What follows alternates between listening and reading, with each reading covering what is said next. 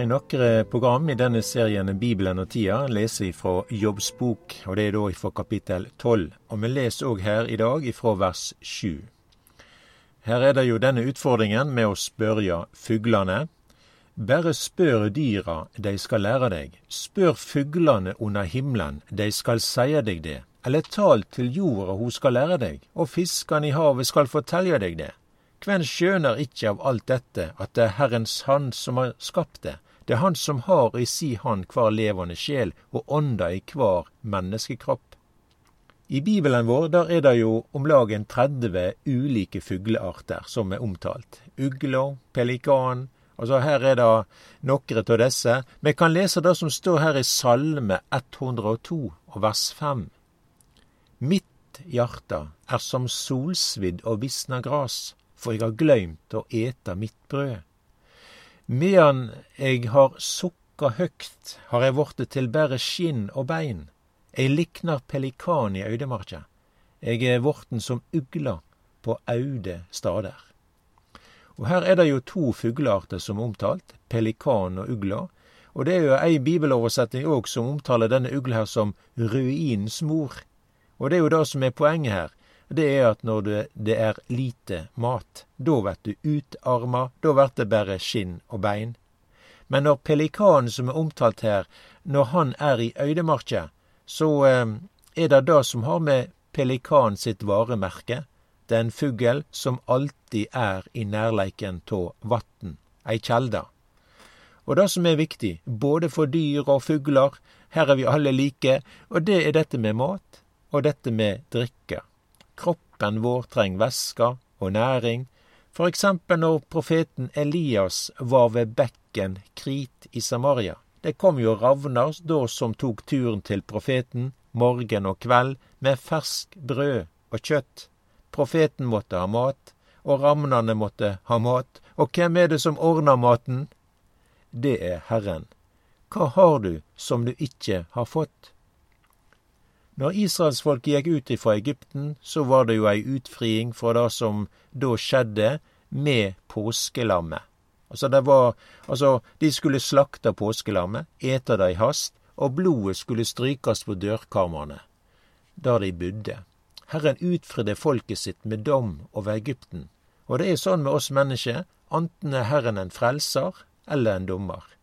Det har å gjøre om jeg lar blodet fra lammet være det avgjørende for meg lar eg lammet være det tellende for meg, så har det her med lammet at det har tatt dommen. Det er lammet som er stedfortrederen, det er lammet som er det sonende, og det er det som er meg ei utfriing ifra synda og verden sine bånd og lekkje. Og det er jo dette som er evangeliet, for påskelammet der i Egypten, det var et forbilde på det som Jesus gjorde på Golgata. Jesus var Guds lam, det var den stedfortredende død. Og saken er òg at det har en sonande virkning. Her var at blodet tatt inn i heilagdommen. Og dette er ikke bare noe som er, har en virkning bare for ei lita stund, men Jesus fant og vant ei evig forløysing. Og dette er ikke noe som har med ett folk å gjøre, men det er for alle mennesker. Og Det som vi ser da på Israel sin ørkenvandring fram til løfteslandet, det er at folket måtte ha mat. Og det var Herren sjølv som serverte dei maten. Han begynte med lammet. De fikk òg brød. Og Herren sa til Moses at han skulle slå på klippen, så folket fikk å drikke. Og i en kristens vandring og liv, så er det også mat. Altså det har òg vært ei utfrielse fra Satans makt og til Gud, og dette nye livet, det trenger næring. Du trenger lammet, brødet og vatnet. Og Bibelen taler om dette, at det er Jesus. Døperen Johannes han sa jo da eh, om å sjå på Jesus. Sa sjå der Guds lam, som bærer verdens synd. Og Jesus han sa det på denne måten, og vi har det her ifra Johannes evangeliet kapittel 6, og så vers 54 der. Den som et mitt kjøt og drikk mitt blod, har evig liv, og jeg skal reise han opp att på den siste dagen. For kjøtet mitt er i sanning mat, og blodet mitt er i sanning drikke. Den som et mitt kjøt og drikk mitt blod, han vert værande i meg, og eg i han. Liksom den levande Faderen har sendt meg, og eg lever ved Faderen, såleis skal òg den som et meg, leva ved meg. Og Det som vi leser her, det handler om å ta imot Jesus. Guds frelse er på den måten at du et. Og det er du sjøl som må ete. Guds frelse er ikke noe som en skal ha på ei hylle i heimen, eller noe som skulle være et ideal for livet, men det er mat, og det er næring. Det er noe som gir kraft og energi både til vandring og til tjenester.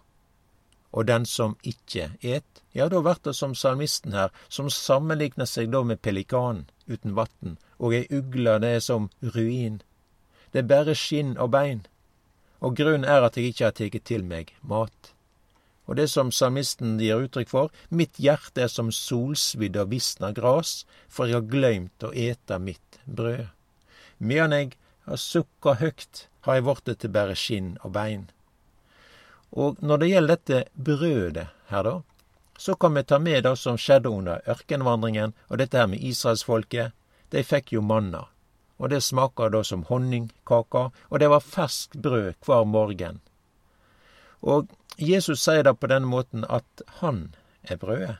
Altså, folket prater om israelsfolket, de fikk brød å ete, og da bryter Jesus inn i samtalen, og så sier at han er brødet ifra himmelen.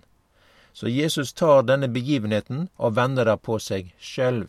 Det er Johannes evangeliet 6 og vers 31. Fedrene våre åt manna i øydemarka.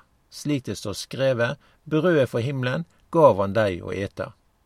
Jesus sa da til dei, sannelig, sannelig seier jeg dykk, Moses gav dykk ikkje brødet fra himmelen, men far min gjev dykk det sanne brødet fra himmelen. For Guds brød er det som kjem ned fra himmelen, og gi verden liv. Eg er det levende brødet som er kommet ned fra himmelen. Om nokon et av dette brødet, skal han leve til evig tid. Og det brødet eg vil gi, er kjøtet mitt, og eg vil gi til liv for verden. Og vi kan jo òg ta med det som Jesus òg eh, ber i denne øversteprestelige bønna. Det er Johannes evangeliet 17. Jeg kan sitere herifra vers 18 for dei orda du har gjeve meg, har eg gjeve dei. Og òg i vers 14. Eg har gjeve dei ditt ord. Vers 17. Helga dei i sanning, ordet ditt er sanning. Og i, i ventetida på at Jesus skal komme igjen, så har Herren laga ei nistepakke, en reisekost. Og det er lammet, det er brødet, og Herren han har slått på klippen. Her er det ei frelseskjelde som er rik nok for alle. Og her er det ikke bare brødet som er gjeldende under ørkenvandringen, men òg dette med klippen eller berget som fulgte dei. Og Jesus han gjør det samme som med vatnet, som han gjorde med brødet, og det er at han anvender det på seg sjølv. Johannes evangeliet 7 av vers 37 men på den siste, den store dagen i høgtida, sto Jesus og ropa ut. Om nokon tyrster, så lat han komme til meg og drikke.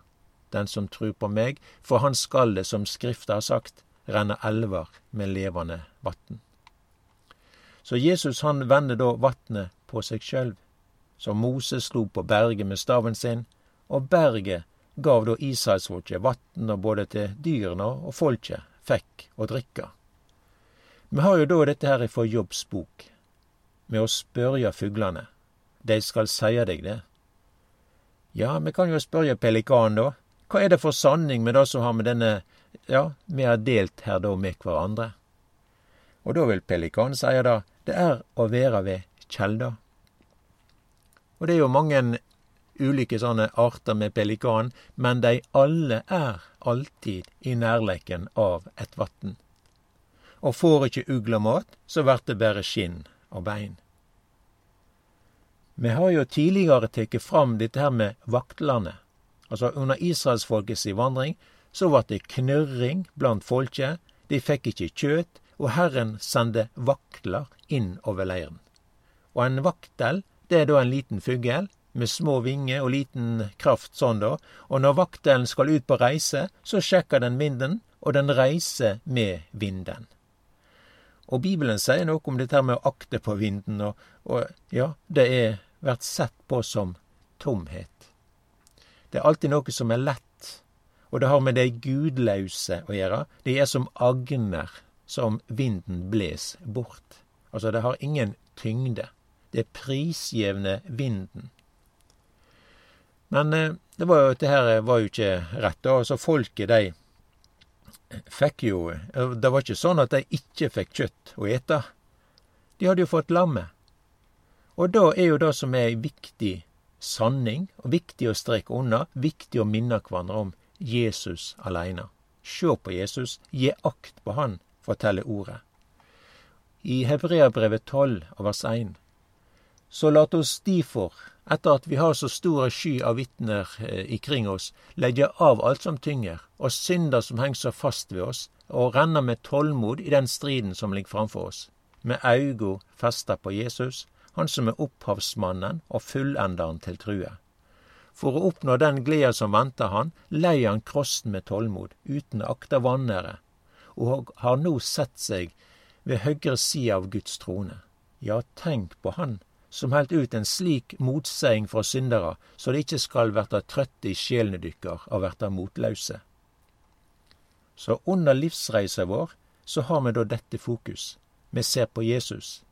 Og gjer vi ikkje det under vandring og tjenester, så vert vi trøtte og misnøye, og ja, da vert det alt som kjem med vinden, og vi ser på det, og ja, alt det som vinden bærer med seg, det er tomhet. Men sjå på Jesus. Gud har nok med Jesus, og det skal vi òg ha. Det å rekne med Jesus, det å rekne rett. Her er det noe som gir frelse svissa, her er det noe som gir meg hvile, her er det noe som gir meg rett fokus i tjenesta. Og ser vi på pelikanen, så var den alltid nærleiken av vatn. Vi må alltid være ved frelseskjelda, alltid leve der. Og med disse sanningene som har med lammet, Guds lam. Hvis ikke så blir det som salmisten her, at mitt hjerte er som solsvidd og visna gras. Vi kan jo gjerne òg gjøre det på den måten her med spurven og svala. Du kan jo spørre dem hvor de bor henne. Det står jo her i Salme 84 og vers 4. Spurven har funnet seg et hus, ei svala er et reir der hun har lagt sine unger. Dine alter, Herre allherrs Gud, min konge og min Gud. Så kan vi spørja spurven og svala, hvor bor de henne? Jau, de bor i tempelet. De var alltid der i Herrens hus, og en av grunnene til at de bodde der, så var jo òg at borna deira, de fikk òg vekse opp her, i Herrens hus. Her kunne de alltid sjå alteret. Her var det alltid et offer på alteret. Her så de prestene gjøre si tjenester.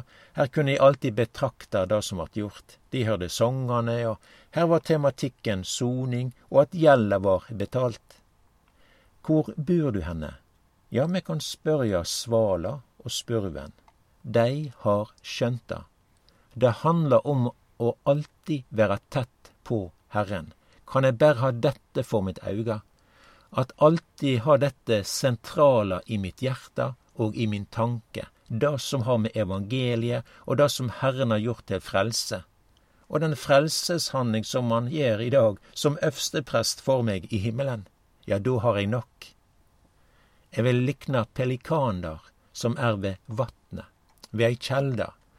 Og det som er til ettertanke, at jeg ikke akter på vinden og speide etter hva vinden måtte bringe med seg, men at eg betrakter det som Herren har gjeve meg. Det er Jesus aleine. Og ifra tempelet ser eg øvstepresten, sånn som det blir skildra her i Hebrebrevet 3. De får heilage brød. Det som har fått del i et himmelsk kall, sjå på Jesus, den apostel og øvsteprest som vi kjennes ved. Det var sånn med denne øvstepresten der i tempelet, når han da gikk inn i det høgheilage inn i heilagdommen der, da.